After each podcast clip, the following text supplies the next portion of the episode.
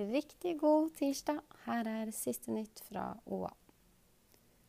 Gjøvikbanen er stengt mellom Gjøvik og Jaren pga. strømproblemer. Det melder Bane NOR.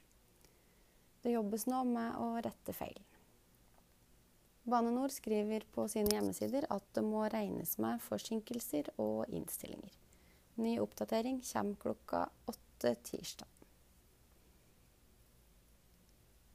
Klokka halv ett natt til tirsdag kontrollerte politiet en bil med to personer på Gjøvik. Politiet fant en mindre mengde hasj, og begge personene, som er i slutten av tenåra, mistenkes for bruk. Personene har blitt anmeldt, melder vakthavende ved politiet.